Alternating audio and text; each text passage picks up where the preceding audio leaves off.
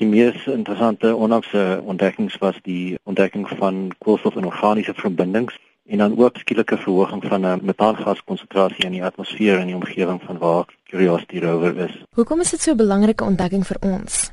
Koolstof in organiese verbindings en die metaangas is soort van indikators vir moontlike vroeë lewe op Mars of dalk moontlik huidige komplekse organiese molekules wat die indikasie is vir lewe op Mars. En wat is die aannames wat ons tot dusver kan maak oor lewe op Mars? Kan ons al sê daar was of is lewe?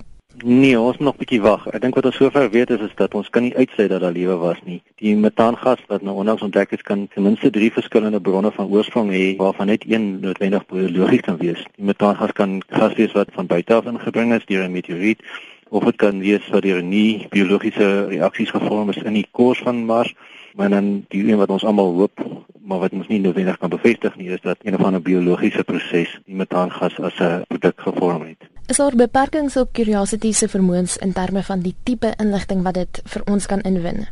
Die groting van Curiosity is is maar 'n klein rovertjie en hy kan net 'n beperkte area op Mars ondersoek. So en hy sy sensors is ook uh, gemaak om na sy onmiddellike omgewing se geologie en dan ook die biochemie van die omgewing te kyk. So op hierdie stadium kan ons nog net aannames maak omdat Curiosity beperk is in terme van die interpretasie wat dit kan inbring.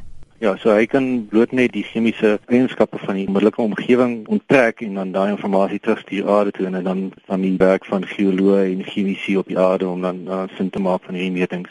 Indien nog 'n verkenner Mars toe gestuur word, watter veranderinge kan ons verwag in vergelyking met Curiosity?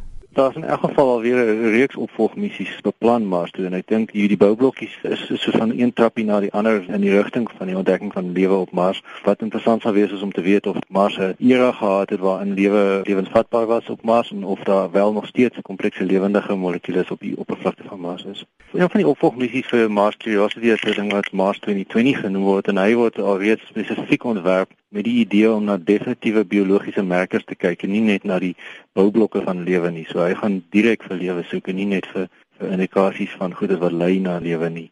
So hy het 'n hele ander suite van eksperimente aan boord. En enige tegniese probleme tot dusver? Al sy sensors werk nog maar wat interessant is is dat hy wel probleme het met sy wiele en dat die goeters vinniger agteruit gaan as wat hulle beplan het en dit maak dat hulle 'n bietjie meer versigtig moet wees in terme van hoe hulle beplan om rond te ry op Mars en dat hulle selfs by tye agteruitry omdat hulle agtergekom het dat die verweer op die wiele stadiger is as hulle agteruitry as wanneer hulle vorentoe ry. Hulle wil omtrent 20 km altesaam kan ry oor die oppervlakte van Mars en met die huidige vlak van verweer sal hulle dit nie maak nie. So hulle moet nou baie versigtig wees om seker te maak hulle kan rondte kom waar hulle wil wees. Hoe beweeg Curiosity? Kyk, hy het ses wieltjies waarvan dink net 4 aangedryf word, maar die probleem is dat die voorste 4 druk vorentoe en die agterste 2 sleep agterna in die sin van hoe sy suspensie werk. En dit beteken hy druk homself vas teen klippies en goeters en die proses van die verweer is dan vinniger. So as hy agteruitry beteken dit net die agterste twee wieltjies wat dan vorentoe druk en die ander sleep dan soort van agterna. Dan is die verweer stadiger want hulle druk nie so hard op al die rowwe terrein waaroor hulle ry nie